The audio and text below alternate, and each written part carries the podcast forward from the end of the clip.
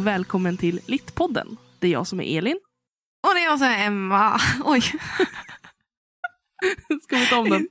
Nej, det går bra. Alltså vi kör sådär. Jag, jag bjuder på den. Det är jag som är Emma. det var så rätt gnälligt. Hur är läget? Nej, Elin. Fan vad trött jag är.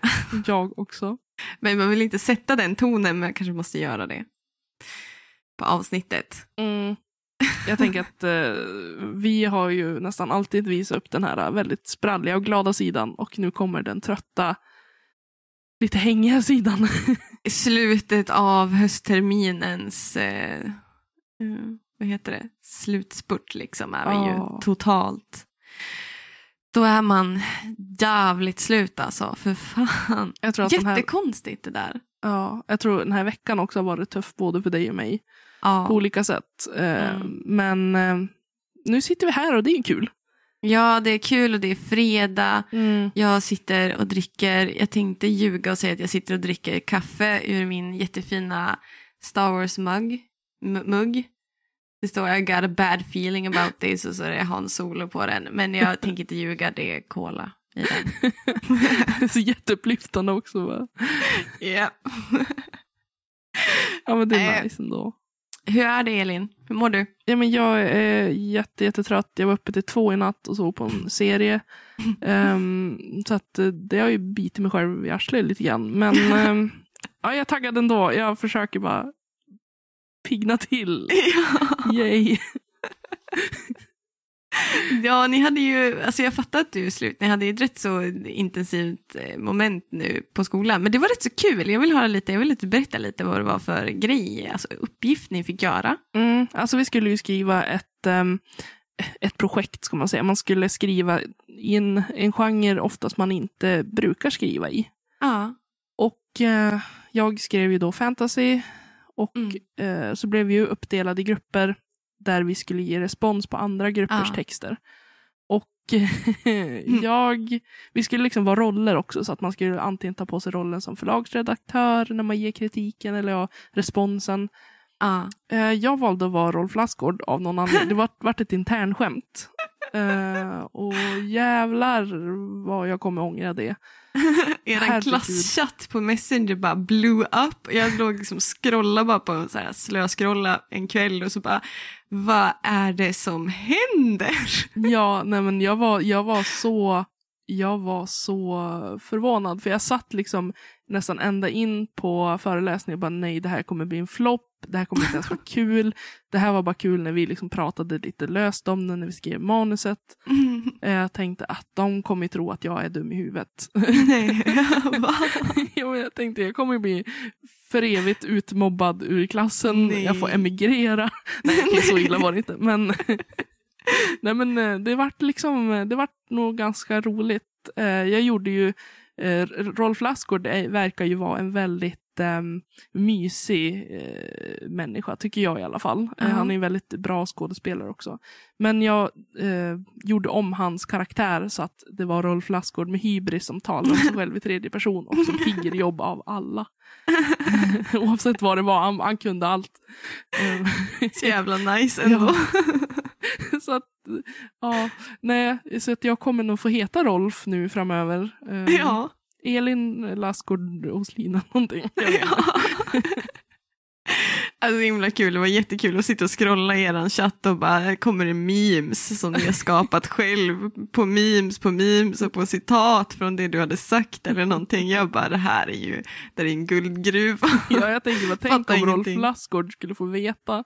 Ja. Han har ju förstört hans rykte för evigt. Nej. Fort någon tänker på Rolf Lassgård bara, ja det är han med hybris va?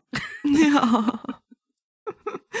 Så himla kul. Men jag, alltså, jag fattar ju att det är ju ett helt skrivprojekt. Du skrev en helt ny genre som du inte skrivit förut och sen skulle ni ju opponera på varandra och så skulle du spela Mm. teater. Ja, Det tar mycket energi alltså. ja Faktiskt. herregud, vi satt ju uppe hur länge som helst för att skriva och Ja. läsa igenom texterna så att jag har varit så trött Ja. alltså, i huvudet. Det har verkligen tagit mycket energi. Ja, jag fattar det. Det gör ju det. Och så särskilt när man inte har så mycket energi längre. Man har vilat, försökt vilat över jul och så slängs man in fortfarande i höstterminen och ska Mm. göra klart allting och se till så att alla poängen är inne så man får läsa nästa kurs. Och sen så slängs man in direkt i ja, men nästa vecka eller om två, en och en halv vecka så är det ju vårterminen som Mm. kör igång för er. Det blir ju högt tempo så här i kursstarten. Det är ju Mm. väldigt annorlunda mot kursstarten i, på hösten liksom.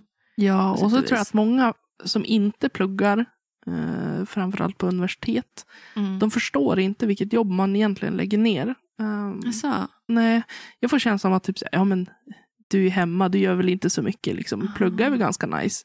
ja. Och jag kan förstå det, för att ibland om någon frågar sig vad gör du? Nej, just nu gör jag ingenting. Eh, För jag är en Nej. sån som, jag pluggar hellre på kvällarna. Eh, Jag är en kvällsmänniska så när det kommer till plugg. Eh, Jo. Och speciellt när jag ska skriva tenta, då sitter jag gärna uppe på nätterna. Bara för att jag Mm. tycker att det känns eh, bäst. ja. Men jag tror inte att folk förstår vilket jobb man lägger ner. Nej. Och att skriva är faktiskt svinjobbigt. Ja, det är just det där att man lämnar ju aldrig. Alltså när man har ett jobb, typ så lämnar man jobbet. Man jobbar åtta till fem kanske. Sen går du hem. Och sen så är du liksom, förhoppningsvis behöver du inte tänka något mer på jobbet den kvällen. Fram tills du ska liksom dit igen. Men när det kommer till universitetsstudier, men jag tror också även på gymnasiet. Alltså, man har så mycket uppgifter, det är så mycket du ska hålla koll på, mycket information och du ska liksom planera med kanske en grupp om du har en presentation eller en opponering och du ska vara i kontakt med lärare, läsa in dig på kursmaterial eller sådana saker. Det är mycket hela tiden som oftast inte passar liksom in i den här ramen av åtta timmars arbetsdag. Nej. Och så ska Just du ju ha den här inte- också självdisciplinen, framförallt nu när det är distans. Ja. Att du ska ju jobba dina timmar, du ska ju jobba en, liksom en hel tid. Mm. Du pluggar ju på heltid. Mm, Eller jag i alla fall.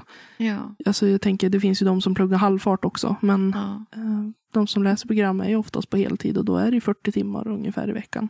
Det är svårt att hitta det här med motivation och sådana saker. Det är svårt att bygga sin egen struktur. Jag kommer ihåg det i, i våras så, så pratade jag rätt så mycket, i alla fall på mina sociala medier, om det här med att struktur är svårt. Det är därför Mm. det känns rätt så hopplöst. Och det kommer vara, det kanske är lätt från början att bygga sin struktur för att det är nytt och spännande. Och sen, men sen att hålla kvar vid den är jätte, jättesvårt. Även för de som kanske inte har svårigheter med det innan. Liksom. Blir Nej, väldigt precis. ensam. Man blir väldigt pushad och motiverad av, sin, av att träffa sina klasskompisar eller träffa sina lärare på plats. Nu gör man inte det. Det finns Nej. inget naturligt socialt klimat att typ ta upp saker man tycker är svårt eller prata om ämnet eller prata om tentan och sådana saker. Nej. Det, är, det tar jättemycket mer energi att plugga distans Mm. faktiskt. Det, Eh, ja. Men eh, man får ju vara tacksam också att, eh, att man har någonting att göra. Det är ju många som också har tappat jobb och sådär nu i pandemin. Mm. Ja, precis. Och det är väldigt kul att någonstans det kunde fortsätta med plugget. Att det inte bara så här, okej nu får du söka ett jobb för vi kan inte upprätthålla studierna. Liksom. Nej, men precis. Så, Det är ju, alltså det, man är ju både tacksam och inte över allt det här. ja, Nej, Det är en bra erfarenhet har jag tyckt det varit. Att få verkligen. läsa på distans. verkligen. Verkligen. Superbra. Förresten, hur överlevde du snöstormen? Alltså jag överlevde den bra. Alltså jag tycker det är bara jobbigt att inte kunna ta mig någonstans. Alltså Mm. här snöade det ju typ eh, nästan två meter snö Mm. på ett dygn. Ehm, och det var ju riktigt coolt tyckte jag. Det var ju helt kaos. Eh, vi hade ju typ tre plogbilar som körde hela kvällen här i byn i Hörnefors. Ehm, men jag är ju också alltså uppvuxen inåt landet i Sollefteå. Där det här är ju typ, alltså vi har väl aldrig någonsin varit med om just en sån här snöstorm. Men det är inte ovanligt att det kommer väldigt, väldigt, väldigt mycket snö där borta. För det är, ett, det är en kall håla, liksom. det, är en, Ja. det är en håla. Så det blir bara kallt och mycket snö. Så jag var så här bara, men gud det ser ut som, ser ut som när jag var barn. Liksom. Och sen blev jag lite så här, jag så här frustrerad över att vi, liksom, all, vi var ju typ insnöade. Jag var så frustrerad över att det fanns typ ingenting att göra riktigt. Um, annars brukar ju jag och Robert gå ut och gå liksom. Eller typ åka runt med bilen och typ leta nya ställen att fotografera. Mm. Ehm, nu kunde vi inte göra det. Till slut så sa Robert bara, nej vet du vad, nu klär vi på oss på riktigt som vi brukade göra när vi bodde i Sollefteå och så bara tar vi en promenad in till byn och ser hur långt vi kommer. det, var, det var jävligt kul för att det var sån kaos i snön liksom. Ja. Vi gick där helt påbyltade och så sprang jag efter trottoarkanten som de inte hade skottat och så hoppade jag ner i ett dike och försvann. Liksom. Robert, Som man såg det typ inte. Alltså jag älskar att leka i snön. Ja. Jag hatar att frysa. Det är typ det jobbigaste. Jag tycker det är rätt så jobbigt att skotta och så. Men jag älskar snö. Det är liksom det är helt fantastiskt vackert och det är coolt, det är ett tufft fenomen och det är liksom bara roligt liksom. Mm. Ja, men alltså, alltså, för mig, jag äger ju hus, så för mig är ju snö eh, lika med skottning också. Mm. Eh, det blir ju så. Alltså, så här, höll ju inte på att ta mig ut på morgonen när jag öppnade dörren. Liksom. Det var ju så mycket snö på bron. Ja. Eh, och Charlie, min hund, och han eh, var ju tvungen att liksom, man såg, han kunde ju inte gå, han fick ju skutta. Söt. ja men jag fattar, det måste ju vara helt kaos liksom. Ja, alltså, ändå så. Bara Vi, hade ju, alltså, vi bor ju i lägenhetskomplex ändå med bara så här, två våningar så vi bor ju typ som att det vore typ en eh, radhus fast inte. Så vi måste ju skotta vår egen gård då, Mm. inom citationstecken. Eh, så när vi ska öppna dörren fick vi typ inte heller upp den. Men eh, när man väl hade skottat och gick ut i jämna mellanrum och skottade upp då var det ju liksom öppet för det var inte så mycket vi behövde skotta liksom. Nej. Det är lite lättare för oss än för er som har, har faktiskt har en gård liksom så. Ja, vi har ju turen, vi har en granne som kör liksom, traktor och skottar liksom, vägen. Men framför Mm. bron och, och parkeringen där vi har bilen och sådär. Ja, Och det det- är asbra. Ja, det, alltså det, det får vi ta själv. Eh, vägen Aha. bara som går utanför, det, det tar Aha. han. Liksom. Okej. Men det kan vara nog och han skottar bara framför bron. Herregud vad tungt. Ja men gud, min svägerska skickade snaps på när, de har ju också en gigantisk gård, den är ju större än eran faktiskt. Och de skottar ju, alltså plogbilen plogar ju bara deras storväg. All, allt resten har ju de fått göra med liksom snöbjörn. För, han, för er sörlänningar som inte vet vad en snöbjörn är, så det är en jättestor, jättestor, vad ska man säga, eh, spade. Skyffel, ja. Skyffel. Ja, så man drar fram, man skjuter den framför sig. Ja, Det är inte så att man precis. skyfflar utan man, man Nej. styr undan bara. Exakt, manuellt. Eh, så brorsan skrev till slut bara, alltså, han bara, jag tror nästan att jag måste köpa en traktor om det ska vara sådana här vintrar liksom. Ja, ja men herregud, det, det, har man en, en gård så är det alltid bra om man har en om man inte kan få någon som kör. Ja, precis. Men vi hade ju tur, jag vet inte hur det gick för er. Vi, eh, i alla fall i Hörnefors, tappade ju ingen ström eller el. Nej, inte vi heller. Eh, men eh, men eh, i Sollefteå då, eh, så försvann ju typ stort sett all el.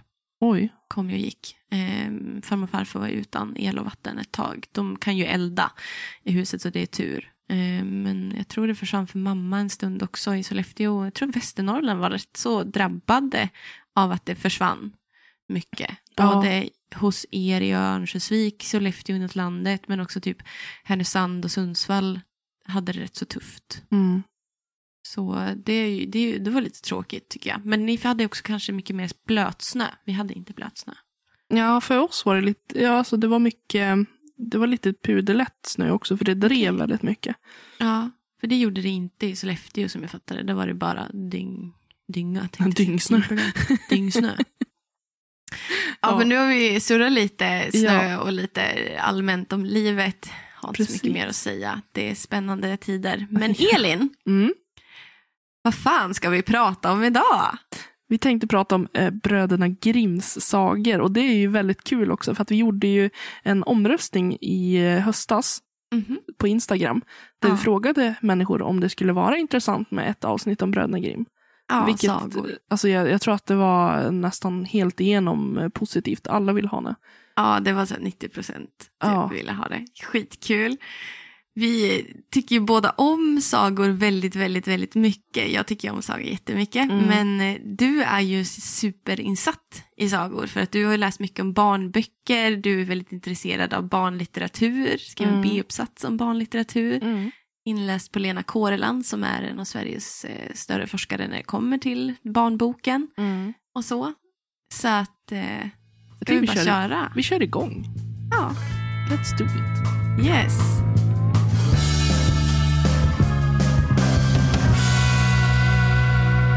Första sagan av bröderna Grimstad dysfunktionella sagovärld är ju Snövit, tänkte vi. Ja, Snövit känner ju de flesta till, även om kanske inte alla har läst eh, Bröderna Grimms version.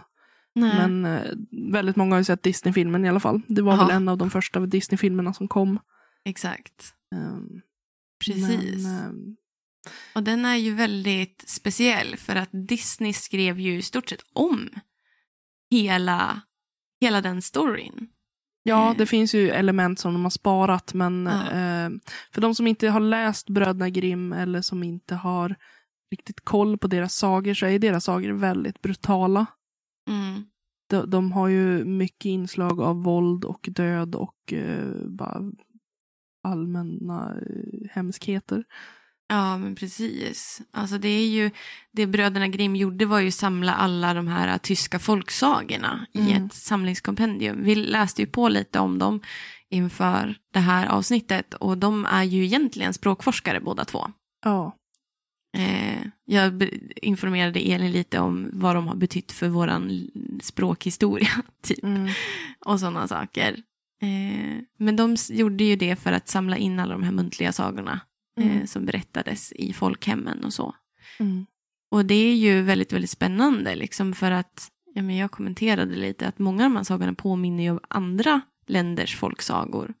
Typ eh, ja, men Rumpelstiltskin påminner om The Leprechaun från den irländska folksagan och så. Mm. Jo men och det var ju som vi pratade om också, att det är jättesvårt. För bröderna Grimm, de skrev ju bara ner, de har ju inte liksom skrivit de här sagorna själv.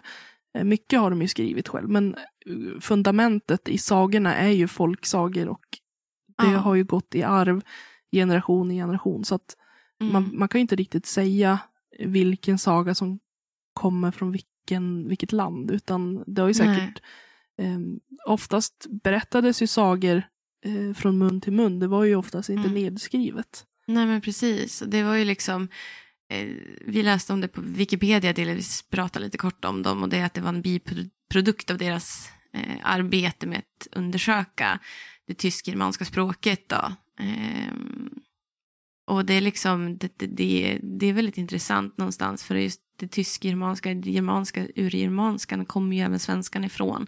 Så att Mm. många av de här sagorna, muntliga traditionerna finns ju i liksom svenska versioner liksom. Eh, som sagt, så det är, de har ju kanske samlat in och bearbetat folksagorna som du säger, men inte skrivit dem själv. Nej. Det var väldigt spännande. Men Snövit, Mm. Snövit, alltså Disneys version av Snövit är ju väldigt eh, Tal. så här, ja, tam. Det är en vän liten, fl- ett fläckig barn där som spränger Ja. iväg. Hyvit som snö, rosenröda läppar och hår som är kolsvart.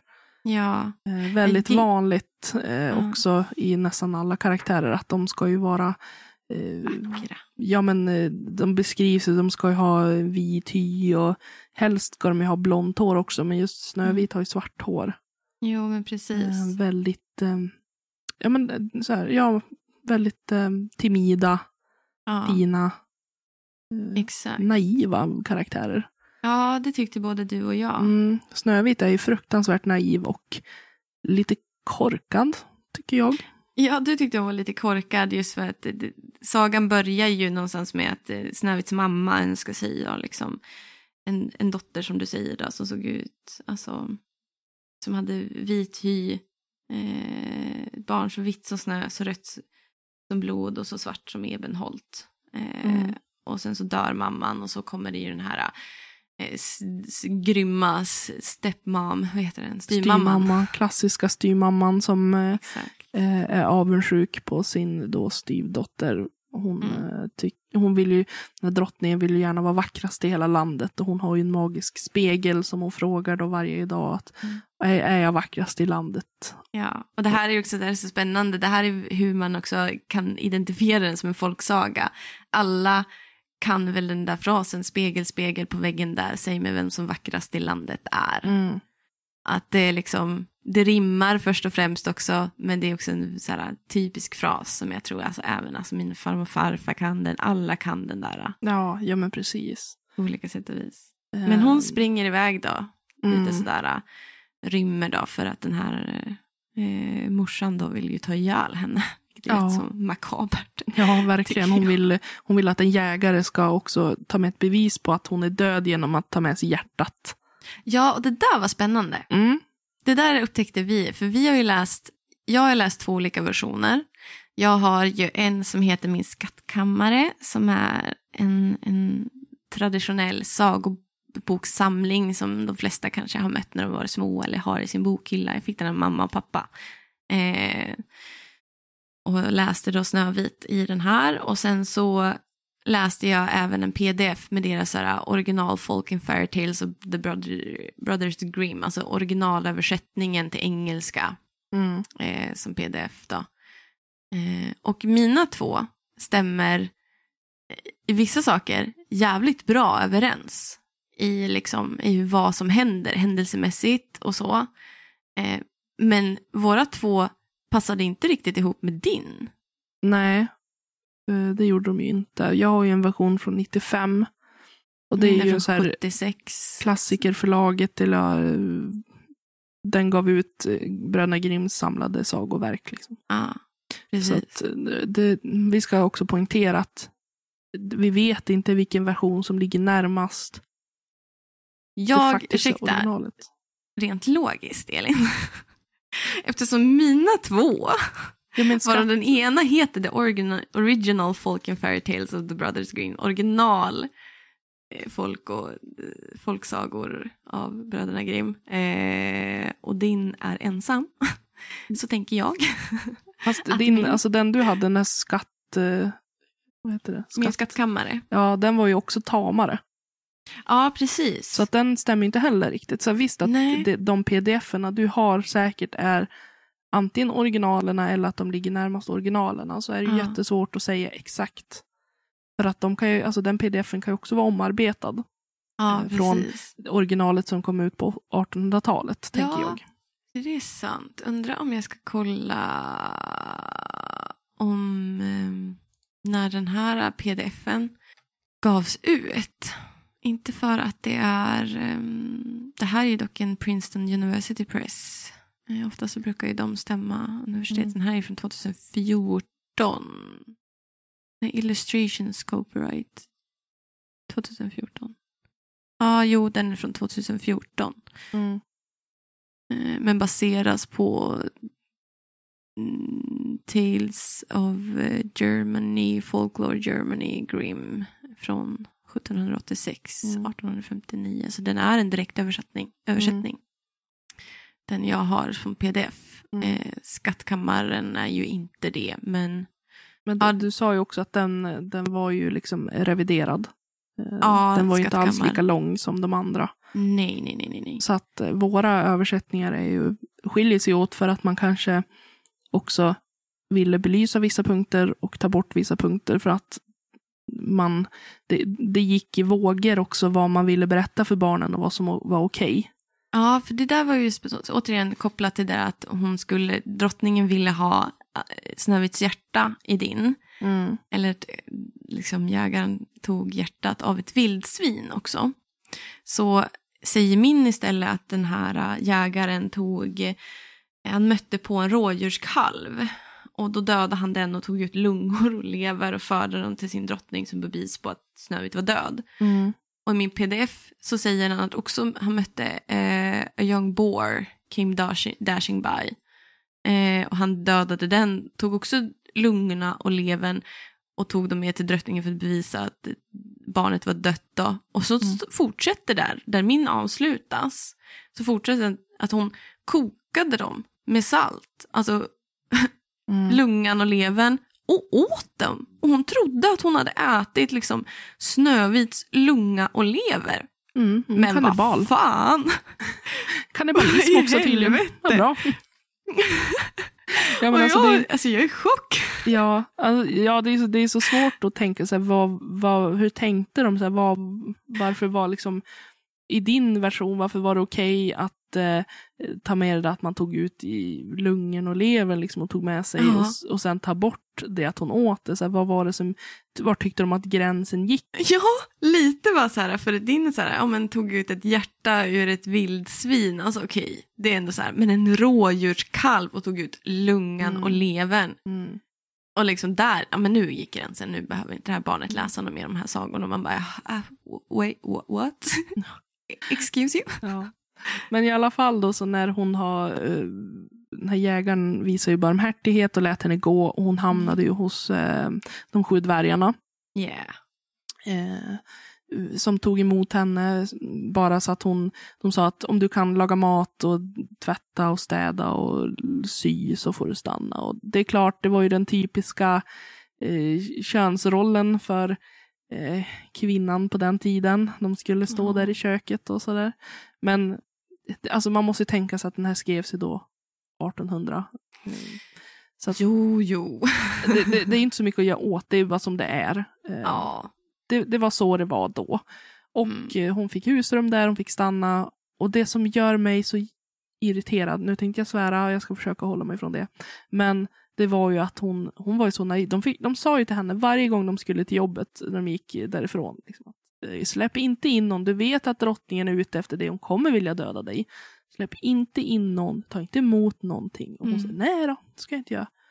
Och Mm. drottningen kommer på besök, inte en, inte två, utan tre Tre gånger. gånger kommer hon. Jävla Och pucko. död. Och, och, det, det är det här som gör mig så irriterad. Så här, varför lär du dig inte? Varför? Jag, jag, jag blir ju typ irriterad nu när jag berättar det. Jag hör det.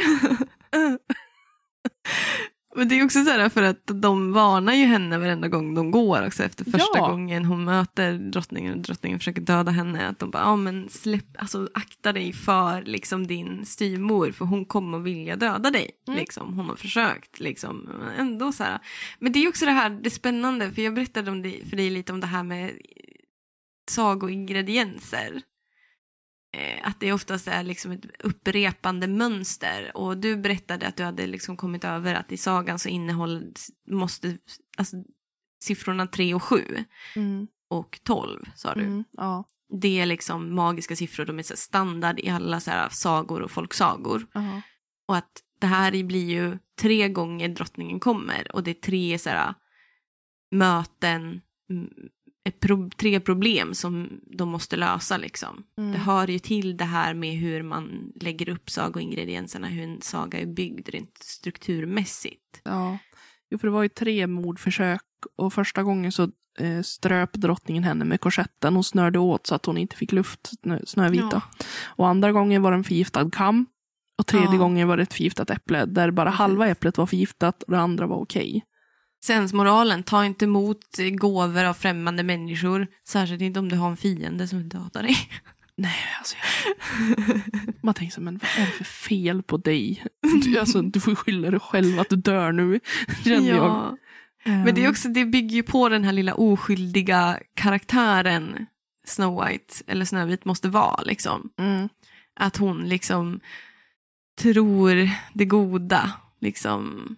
Hon säger ju ändå så jag, är inte till, jag får inte släppa in främmande människor. Och då liksom, alltså hon, alltså hon vill ju ändå möta den här främmande människan som är drottningen med vänlighet och med godtycklighet eller vad det heter. Eller god, gott förtroende. Liksom. Alltså hon vill inte cancel out the person before.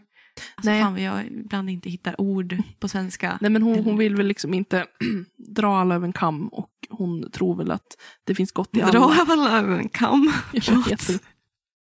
Nej men det var så kul bara för jag läste, har pdfen uppe så läser jag precis som hon har gett den här kammen, kammar igenom håret så dra alla över en kam. Hon tror inte. Jag var tvungen att kommentera det. Men, ja, hon, hon blir ju liksom, det är väldigt vanligt också i Bröderna Grimms eh, karaktärer att alla är naiva som sagt. Eh, Mm. Att alla eh, blir lurade. Ja, precis. Och det fanns en essensmoral i det också naturligtvis. Att, att man ska vara kanske lite försiktig mot främlingar och att man inte ska tro på vad, all, vad alla säger. Nej. Men Och det, samtidigt också så här, det, det slutar ju, det är också så här en grej i sagoingredienserna. Det sagor slutar för det mesta alltid lyckligt med att Mm. den goda personen, huvudkaraktären, vinner. Mm. Så samtidigt så här, har det, alltså samtidigt som sensmoralen kan vara att tro, liksom, vara försiktig med främlingar, de kan vilja dig illa, så kan det också vara så här, äh, var snäll mot alla du möter för att du kommer vinna, är du en god människa kommer du vinna i slutet ändå. Liksom. Samtidigt som att jag känner så här, jag vill inte heller vara så god att jag riskerar att dö tre gånger. Nej, nej, det känns ju... Alltså, man gör ju sig själv en björntjänst på det viset. Naturligtvis. Um, men någonting jag tyckte var bättre i Bröderna Grimms historia än Ja. typ i Disneys version. Det var ju när prinsen ehm, när prinsen hittar henne. För i filmen då, då har de, ju- de träffats lite i början. Och sen kommer han i slutet när eh, Snövit ligger i den här glaskistan. Är det så den går? Att de har Ja. träffats innan? I filmen är det ju så. Då Är träffas de i Alltså, början av filmen där vid brunnen och de sjunger och bla bla bla. Men i boken då så eh, kommer ju då prinsen förbi och ser henne i glaskistan. Och det är ju så här lite iffy att hon... Att, eh, att, att han bara ser henne, åh du är så vacker. Men, Men hon är ju död. jo, men han kysser inte henne medan hon är död. Det är det jag vill, det är det jag vill komma Ah. fram till.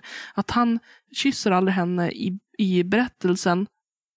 Utan Mm. de, eh, de, när de ska bära hem Snövit i kistan, då råkar de, eh, tjänarna som bär kistan råkar stöta till någon sten eller någonting så att den här äppelbiten hon har eh, har fastnat i halsen så den kommer ju upp och då vaknar hon till liv.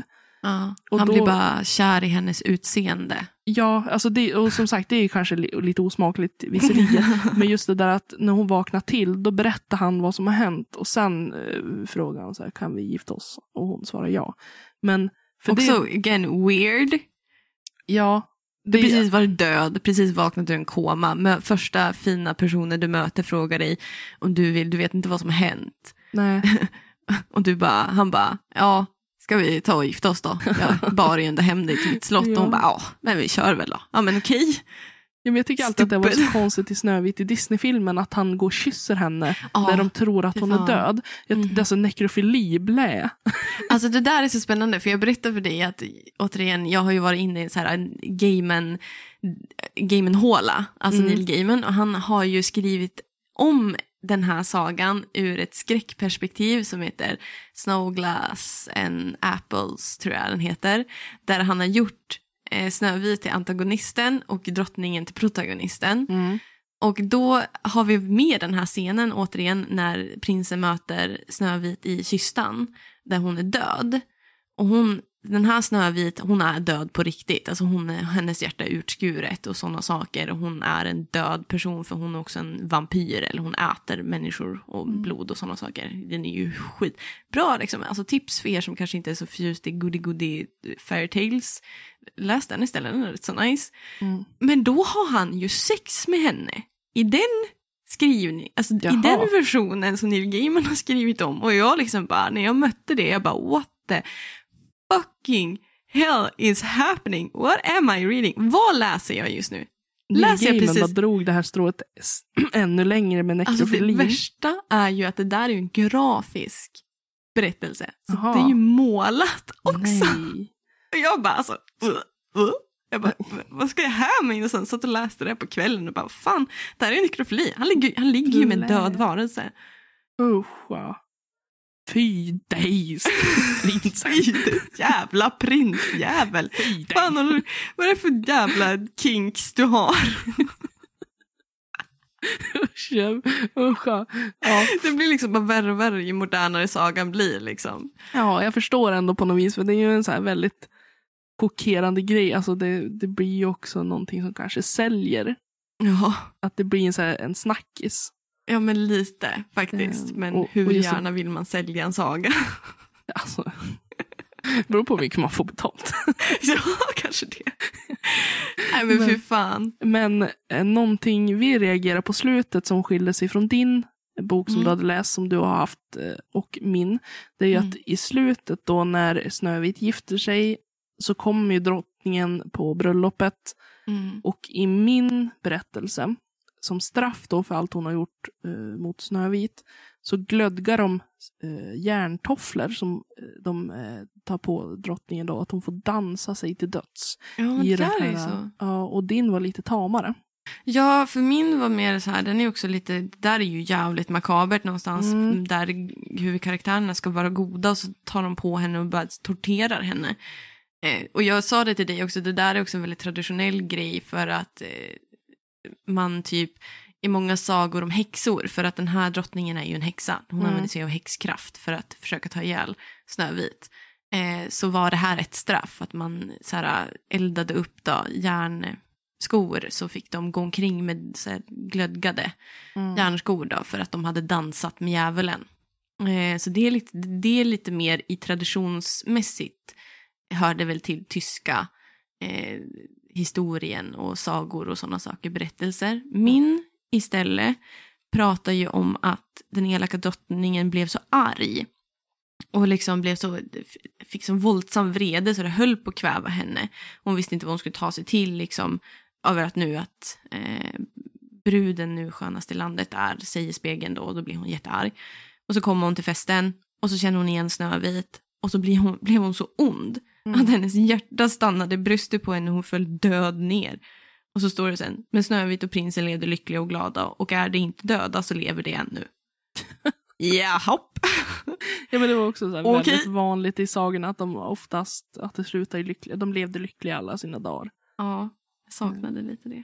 Ja, fast du, du vill ju inte ha lyckliga slut. Det är bara jag som Nej. vill ha det. Nej, det är sant faktiskt. Men lite så här, äh, I är sagor de inte döda så lever det ännu. Jaha, ja då slutade vi där då. Ja, Det kanske, det kanske är därför Neil Gaiman fick sin inspiration. Han bara, lever de ännu? Vad kan de vara för varelse då? Är de en Ja. vampyr som är ev- har evigt liv? Ja, okej. Du Säkert. märker att jag är trött. Min hjärna var halvklent försök till att låta så... Ja. Good try. Bra, bra försök där någonstans. Jag klappar mig själv på axeln. Eh, Ja, men det är väl lite så intressant hur det skiljer sig ju, ju modernare och modernare berättelsen berättas. Då. Det här är ju en folksaga. Det, det ska ju berättas vidare muntligt så att man kan ju undra vad, vad ändringen gör. Om det Mm. är för att anpassa sig då efter barnet. För vi läste, jag läste ju lite om det här med myt och saga i en av mina, en av mina så här, eh, litteraturdidaktiska böcker där de pratar om liksom, eh, alltså om sagan är för barnet, liksom. Eh, e-, eller är sagor bra för barn? Och då säger de liksom att det ifrågasattes väldigt mycket inom, i, på 60-talet i västvärlden och Sverige att sagorna liksom man ville inte riktigt ge sagorna och sen på 70-talet så ville man berätta sagorna men då gärna som nyutgåvar liksom och reviderade där man tog bort de hemskheterna. mm. Och så var det en forskare som hette Bettelheim som pratade utifrån Sigmund Freuds djuppsykologiska teorier att man inte ska undvika berättelser med mörka och onda inslag. Liksom inte för att, för att det undanhåller ju liksom möjligheten för barnen att typ fundera och prata om eller möta det här livets svåra frågor och sådana saker. Mm. Och att det är liksom, just för att det är också en sagoingrediens, alltså alla sagor har ju så mycket symbol, symbolik och metaforer i sig hela tiden. Eh, att det liksom, nu hade jag till och med hittat liksom vad eh, metafor är. Eh, jag ska bara hitta det. Jag hade hittat vad metafor är, men jag hittade inte. ja, nej, men en metafor är till exempel, du har ett hjärta av sten. Mm. Du är en ond människa, det är liksom, du är kall. Eh, eller listig som en räv, vacker. Och då bildspråk och liknelse finns ju också listig som en räv, vacker som en dag. Metafor ett hjärta av sten och sådana saker. Mm. Att det är liksom, du sätter dig i väldigt beskrivande saker, om man säger så, för ett barn. Eh, du kan ju säga att en människa är ond på flera olika sätt, men du kanske tar till dig lättare som en barn i form av metafor. Mm. Liksom. Eh, Liknelser liksom. Ja, precis. Så att jag håller nog med den här Bettelheim att man ska nog inte revidera sagor alls, tycker Nej. jag. Alltså, jag ser ingen funktion. eh, Om man ska läsa upp en saga idag eh, så tycker jag så här, man kan ju skippa det här med de glödgade järntofflorna. Jag, jag ser inte att det finns någon anledning till att barn ska komma i kontakt med sån tortyr. Men däremot kan man ju prata om döden. Eh, det, alltså så här, att man pratar Mm. om döden är för mig ingenting konstigt. Ja. Och jag, alltså, min farmor läste ju de här sagorna för mig när jag var liten och jag har inte tagit skada så vitt jag vet av de här. Det var ju liksom Nej. det var inte så att jag blev rädd, utan jag, för mig Nej. var det mysiga sagor. Och jag tror att Mm. också att ehm, det beror helt på vem som berättar och hur man pratar om sagorna sen också. Mm. Mm. Att man lyfter det barnet kanske tycker var obehagligt och pratar om det. Ja, Förklara att det här, är bara, det här är bara en saga, det här kommer inte hända dig. Ja, men exakt. Jag tycker till exempel vi kan ju gå vidare. Alltså det här blir rätt så naturligt. Vi kan gå vidare till nästa saga som vi har Mm. läst. Eh, vilket är Askungen. Ja,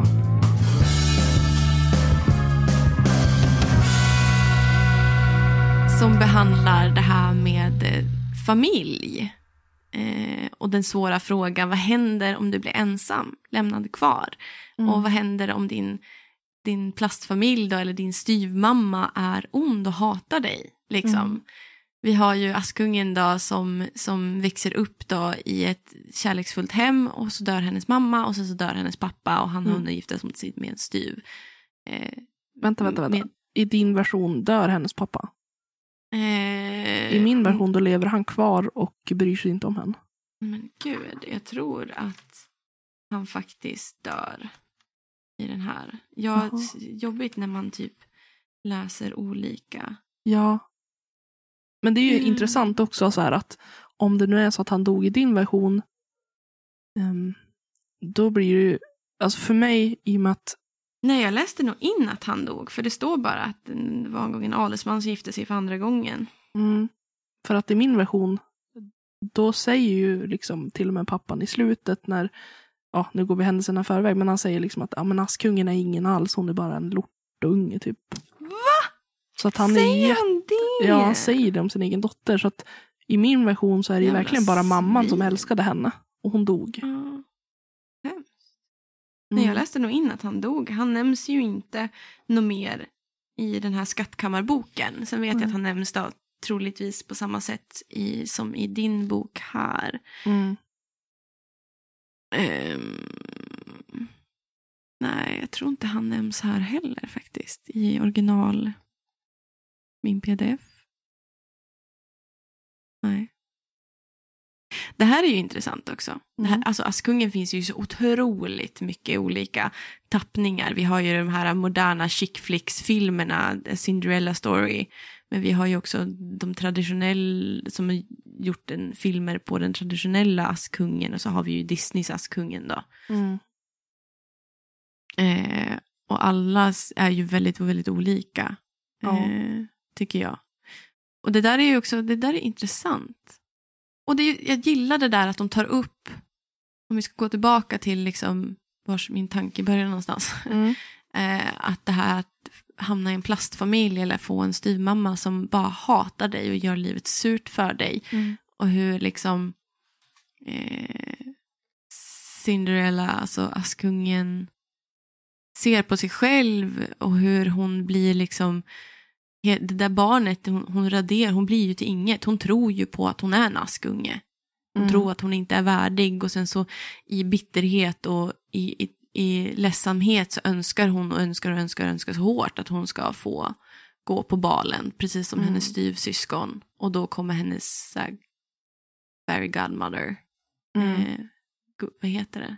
Fairy godmother, gu, gu, gudmor, bara. Eh, Den goda fen. Den goda fen. Fast i min historia då är inte den goda fen en person utan det är ju mer en, en eh, fågel. Ja, En vit fågel som, för Askungen planterar ett eh, träd på sin mammas grav och eh, vattnar trädet med sina tårar. Så att det Exakt. växer sig och blir stort. Och i trädet blir det en fågel och då läser jag in att det är mamman.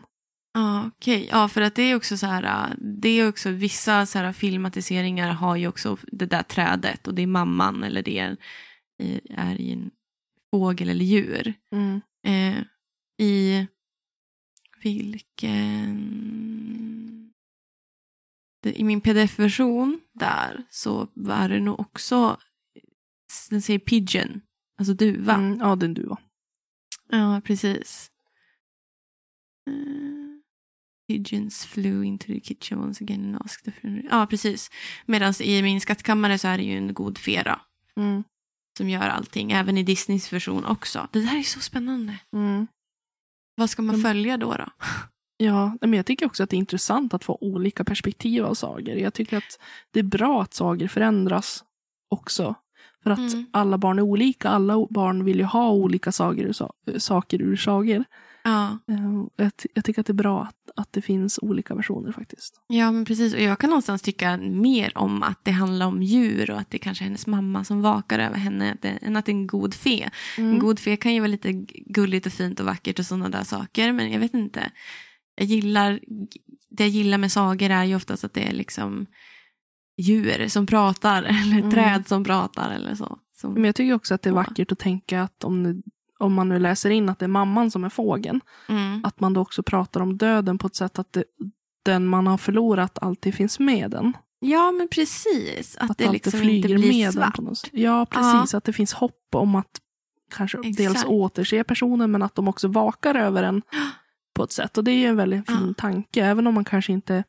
För de, här, de flesta sagorna de bygger på den kristna tron. De. Alltså Bröderna Grimms är ju kristna. Um, Mm. Men att även om man kanske inte är kristen eller om man inte har någon religion alls, att det är en fin tanke liksom att de, de man har älskat och gått bort, de finns där. Alltså är de baserade, för det här är ju folksagor. Alltså jag tänker att De pratar mycket väl... om Gud, alltså Gud och gudatro och sådär. Aha. Så att eh, flera av sagorna, liksom att, att det är Guds ögon och bla bla bla. Eh, Aha. Och jag menar på den tiden, då var det ju kristet, i alla fall i Europa. Ah, Okej. Eh, Okej. Så att det är ju inte jättekonstigt att man bygger sina, alltså, sina Ja. sagor på kristna värderingar. Det, är för det är lite intressant om man tittar på de svenska folksagorna, Tomtar och troll, så handlar det ju väldigt mycket om folktro och väsen. Det är inte så mycket Gud i det hela.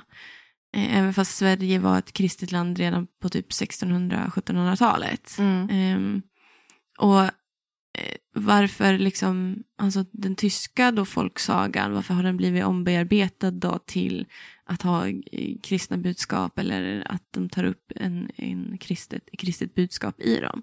För jag kan inte tänka mig att, Tyskland har ju inte varit kristet alltid. De hade väl också någon så här folktro innan kristendomen. men det måste kristendomen alltså- är ju liksom en, är ju en judisk tro liksom Mm. från början. Men jag tänker att det var väl kanske samma som här. att eh, Det kom sådana här, vad heter det? De som ville genomföra en reform. Ja, ja precis. Man, man, krist, man kristnade landet liksom. Ja men precis. Och Eh. ehm, alltså, på 1700-1800-talet så var, hade vi ju varit kristna en ganska ett bra tag ändå. Ja, det kanske var. Ja, 1700-talet i alla fall. Mm, Eh, så att, 1800-talet. Men, ja. men folksagor är ju mycket, mycket äldre. Jo men jag tänker Alltså- att de tog ju säkert folksagorna och bearbetade dem så att de skulle passa in till i moralen som lärdes Ah. ut till barnen då. Att, Ja. För att hamra in de här kristna budskapen att du ska inte, du ska inte vara svartsjuk, du ska vara god, Ja. du ska liksom...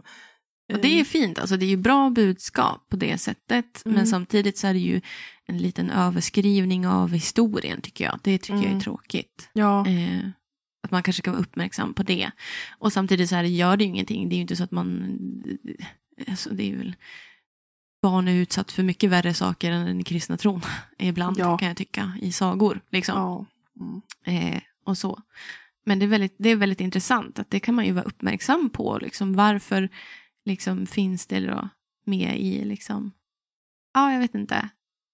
Intressant tycker jag. jag men ja, Cinderella är väldigt, väldigt... Eh, Askungen är väldigt intressant Mm. saga också. Just för att i min skattkammarbok så slutar den med att hon förlåter sina styvsystrar. Det gör inte min. Nej, Jesus. det tror jag inte gjorde i pdf-en heller. I min slutade med att ehm, eh, när Askungen eh, skär av, eller när Askungen gifter sig, då eh, går eh, styvmamman och sys eh, systrarna dit då, och ska titta på och eh, då kommer det massa fåglar och pickar ut ögonen på dem som straff. Ja, just det kanske det gjorde i... Ja, nej, precis. Vänta, jag ska se. För det står inte heller i pdf-en. Eh, Eh, so Cinderella took off the heavy shoe from her left foot and put it into the golden slipper. That's the right bride. The stepmother and the two haughty sisters were horrified and became pale, but the prince led Cinderella away. Look, look, look, there's no blood at all. Nej, det, det, det slutar där. Mhm. Så Därför- din är ju hemsk. Ja. Vad är det för jävla sagobok för barn du läser? Och din slutar ju hemskt hela tiden. Mina slutar ju ändå helt okej. Men alla sagor slutar inte hemskt, men den här, och speciellt det jag tycker nästan är värst, inte bara det att de får ögonen urpickad, utan som Mm. vi har pratat tidigare också, att ehm, när då prinsen kommer i det klassiska inslaget att ta- hon har, Askungen har tappat sin sko på balen liksom, och de ska prova ut dem för att hitta Mm. rätt brud. Och Ja. i Bröderna Grimms version, då Mm. först ena systern, hon skär av sig tårna för att få in foten i skon. Men då upp- till slut så märker ju för fåglarna sig till prinsen då att det här är fel brud för det kommer massa blod ur skon. Och då tar han Mm. tillbaka den systern och så nästa Mm. skär av sig hälarna för att komma i skon. Mm. Och till slut då kommer de ju fram till att ja, men det är Askungen som är den rätta Mm. bruden. För hennes Mm. fot passar ju skon. Ja, precis. Så tänk dig det ju smärtan. Ja, men tänk att man vill gifta sig med en prins så jävla gärna. Ja men att man hugger av sig tårna liksom, eller Ja, liksom. hälarna. Hellre, Du kommer ändå liksom, aldrig behöva gå någonstans. Men nej, okej, vad bra att jag i, gör mig själv... Good for liksom- nothing, liksom, annat än det. Liksom. Ja. Jävla morsa, hon var inte så jävla trevlig mot sina egna döttrar heller. Då. Nej, nej. Och jag tänkte mycket på det här talesättet, ett öga för ett öga, en tand för en tand. Mm. Där i slutet när, eh, ask, eller när fåglarna pickar ut ögonen på... Styvsystrarna. och ja men precis, att inte liksom nödvändigtvis att de har, de har inte tagit från henne synen på något vis. Men att de begränsade hennes liv på ett så sätt att hon inte kunde göra som hon ville. Och det Ja. tappar de synen så blir de också begränsad. Ja, precis. Att de inte får uppleva liksom det fina i livet på samma sätt. För de var ju väldigt fast här med vackra klänningar och, eh, Mm. sådär. Och nu kunde de ju inte se på sånt. Ja. Det jag störde mig på, det var typ så här en jävla pucko till prins. Skaffa glasögon. Det var väl inte förrän han fick på skon som han bara, åh, det här är den rätta bruden, här är min brud. Och man bara, men vad i helvete. Ja, det var inte så att hon var maskerad. Det enda, enda som skilde dem åt det var att hon hade en annan klänning och skor. Liksom. Ah. Hennes She ansikte inte washed her face and hands quickly so they were fresh and clean. Liksom. Men Men alltså, tror jag, alltså, her- Det är inte då är man jag ju inte riktigt om- om kär du- i den där. nej. Tycker Men det jag. var ju väldigt ytligt. Alltså på den tiden, det var ju bara baserat på attraktion. Alltså att ja. kvinnan var väldigt vacker. Hon var den vackraste i hela riket och därför blev prinsen kär i henne. ja. Man tänker så här, fy fan vad tråkigt. Ja men verkligen, undrar om de ens har några intellektuella samtal. De kunde ju knappt hålla tiden. Nu, nu kan inte jag göra det heller, men jag har legitima anledningar till varför jag är skitdålig på klockan. Vad är det viktigaste en partner? Att den personen håller tiden. ja, exakt. Nej, men alltså, Nej, men, oj, oj, oj. ja. men någonting jag tyckte var väldigt fint i Askungen i alla fall. Jag, ty- jag, jag stör mig väldigt mycket på sådana små grejer också. Som det där med att hon ska bara vara vacker och sånt där. Men jag tycker rimmen är så fin. För till exempel finns ett rim där de säger fåglar små, o se min stora smärta. Jag ur askan grå skall plocka upp var ärta. Jag tycker att den är så himla mysig på något vis. Ja. Där Det är- eh, styrmamman kastar in ärtor i, i spisen som Askungen måste plocka upp Mm. inom en timme Mm. för att eh, få följa med på balen. Mm. Kommer du ihåg varför all sån här, sån här folksagor och så muntligt berättande eh, sagor eller berättelser, dikter och sådana saker, varför man rimmar? Läste ni Ja. någonsin det? Ja, inte vad jag minns nu, men... Allting skrevs ju på vers på den tiden för att det berättades muntligt. För att det är lättare att återberätta saker. Mm. Att det i minnet hämta rim. Liksom. Väldigt pedagogiskt om man säger så. Mm. Så det är därför typ stort sett alla folksagor och sagor är skrivna på någon sorts rim. För att det ska berättas. munt- Det här är en, är en muntlig sak. Även fast den är nerskriven och det är mysigt att läsa. Så ska den här läsas högt för full Mm. effekt typ. Mm. Det tycker jag är jävligt coolt liksom. Eh, Ja. Att hitta sådana saker. Och hur viktigt det är att de måste fortsätta få rimma. Mm. Vilken översättning det än är liksom. Eh, för att det ska kunna berättas och återberättas och berättas. Mm. Och det, jag tror att det är mycket därför också de överlever. Att de har en sån pedagogisk, ett pedagogiskt sätt, de är pedagogiskt skrivna för att det ska kunna hålla sig kvar i minnet så att de kan berättas muntligt och muntligt och muntligt för ett folk som inte hade möjligheten att gå att skola sig att kunna läsa text men ändå få ta del av de här folksagorna. Mm. Eh, Ja. Det tycker jag, så jag tycker Men, också eh, om liksom, rimmen och sådana saker. Ja. Överlag så tycker jag så visst att Bröderna Grimm är kanske väldigt eh, det är komplicerat. Eh, de Ja. har eh, eh, det, är väl liksom inte helt De måste läsas i deras historiska kontext. Ja, de är problematiska, det är de absolut. Men jag, jag tycker att, eh, och framförallt de reviderade versionerna, jag ser inget fel i att läsa Mm. sagor. Um, sen kan man ju också eh, kanske vara medveten om att vissa är väldigt, väldigt problematiska och kanske undvika de Mm. värsta. Well, Mm. Jag, tror, jag tror på det där som den här forskaren sa, att jag tycker inte man ska... Jag tycker att sagor är sagor. Jag tycker som du sa, att man ska kanske prata om vad som är problem, Mm. eller vad som blir obehagligt för barnet. Men jag tycker Mm. absolut egentligen... Men jag är också en så här purist när det kommer till, till berättelser med historisk kontext. Jag tycker absolut att du ska alltid läsa det med, allt som har, är det från en religiös text till folksagor till, det ska läsas i dess kontext, dess historiska Mm. kontext för att annars kan det bli så fel. Så därför liksom, eh, men jag tycker inte du ska revidera och censurera eh, saker Nej. för att det tar bort liksom det pow mm, i hela, i hela grejen. ja. Jo, det är Liksom- aldrig fel att vara allmänbildad heller, tänker jag. Att man har Nej. koll på vart man kommer ifrån och vart sagor kommer ifrån och hur det såg ut. Nej men precis, det är väldigt, väldigt intressant Mm. liksom. Och sen så fine, du läser med, du ska ju läsa för nöjets skull också, självklart. Och tycker man om den reviderade versionen framför originalet, fine. Men jag tycker att man ska vara medveten om att den är reviderad. Eh. Ja, absolut.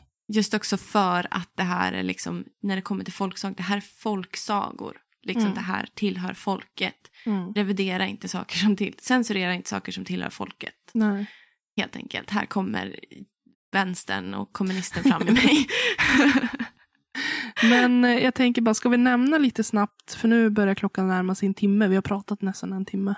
Eh, Ska vi bara nämna lite snabbt vilken av Bröderna Grimms sagor som är våra personliga favoriter innan vi avslutar? Yeah, vi kör. Eh, Vill du börja? Ja, men jag kan ju börja. För min favorit är Tummeliten. Tummeliten, jag, inte Tummelisa.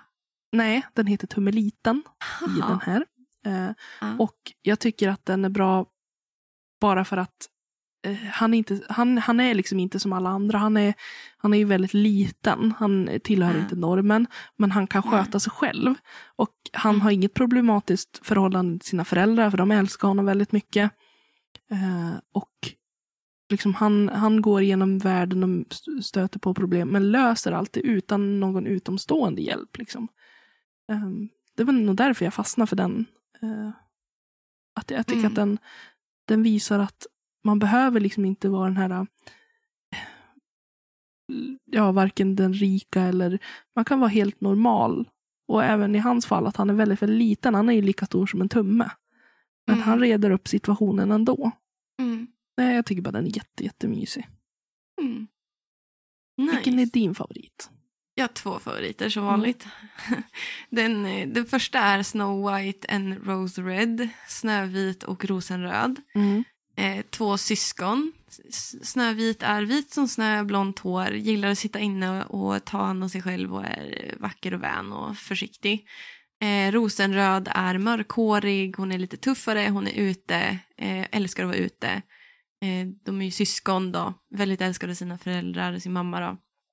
Möter en björn, möter en som de leker med blir deras kompis, de möter en, en wicked dwarf, alltså en ond dvärg som försöker sätta dem i skiten och sätta björnen i skiten och massa sånt där.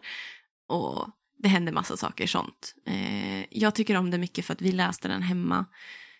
Jag och min lilla syster. Eh, och jag tror att hon kanske inte kommer ihåg det, min syrra, men vi pratade väldigt mycket om att vi identifierade oss för att hon, jag och min syster är ju varandras motsatser. Lika mycket som vi är lika är vi olika. Hon är blond och blåögd och lång och eh, ljus i hyn och super, supersnygg. Liksom, söt och vacker liksom. Och lugn och, eh, och samtidigt väldigt tuff. Eh, jag har alltid varit kort, mörk, hy liksom. Alltså jag blir jätte, jätte, jättemörk på sommaren. Jag mörk, liksom, ser solbränd ut året runt och jag eh, alltid älskat att vara ute, alltid mycket energi och vi har alltid hittat på saker till, tillsammans. Jag gillar den grejen med att de är syskon, de är varandras motsatser men de är varandras, liksom varandras. Mm. Eh, så den, den betyder mycket för mig. Mm. Eh, sen så älskar jag den korta historien om Rumpelstiltskin. jag visste du letade upp det, det svenska, svenska namnet, vad var det? Äppel... Mm, päron någonting.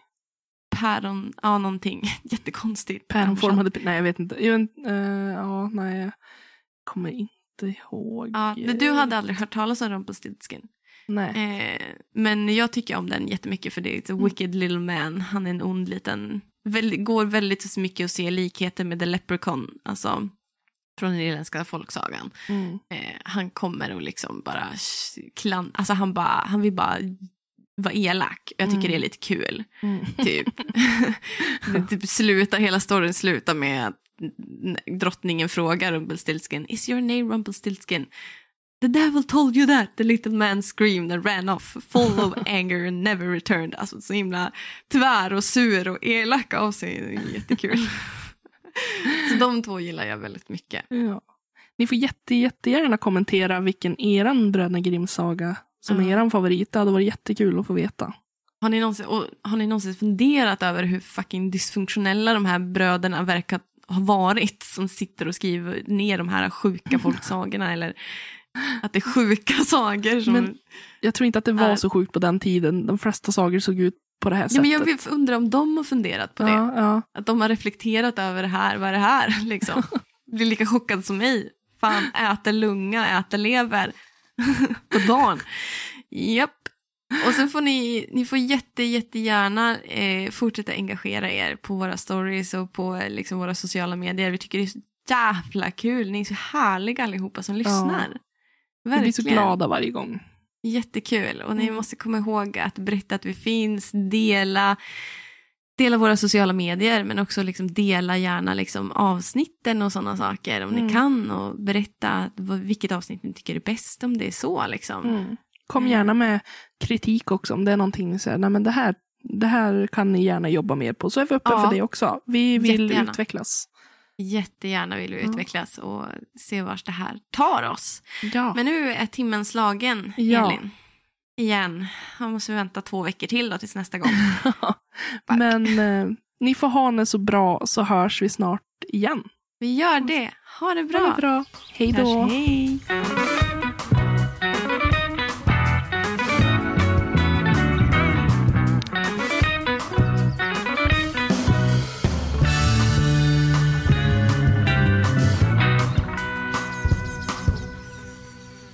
glittra glasregn mot din nakna hud. Vattenpärlor seglar över kroppar, fyller luften med förbjudna ljud. Splittras vattenångans heta droppar. Andas ljudlöst. Vid din nakna barm vattenstjärnor flödar över ljuset. Gör mig magisk och erotiskt varm. För mig kroppsligt genom bruset. Henrik Nilsson. Hörni, 50 nyanser av honom släpptes ju 2011. Och det var ju lite så här, när jag växte upp så var det ju inte riktigt en bok man slängde upp på bussen på väg till skolan och började läsa. Men det få vet är att när den här äh, erotiska genreboomen kom så släpptes en serie som heter Crossfire av Sylvia Day 2012. Och om man tänker efter, vad blir då intressant i den här genreboomen? För mig blev det frågan, är det så att vi fortfarande har ett behov av kvinnlig sexuell frigörelse. Ni har lyssnat på Littpodden med Elin Oslin och mig, Emma Granholm. Musik och klipp av Magnus Kjellson och Robert Granholm. Management av Ida Berglund. Vi hörs snart igen. Tack hörni för att ni har lyssnat.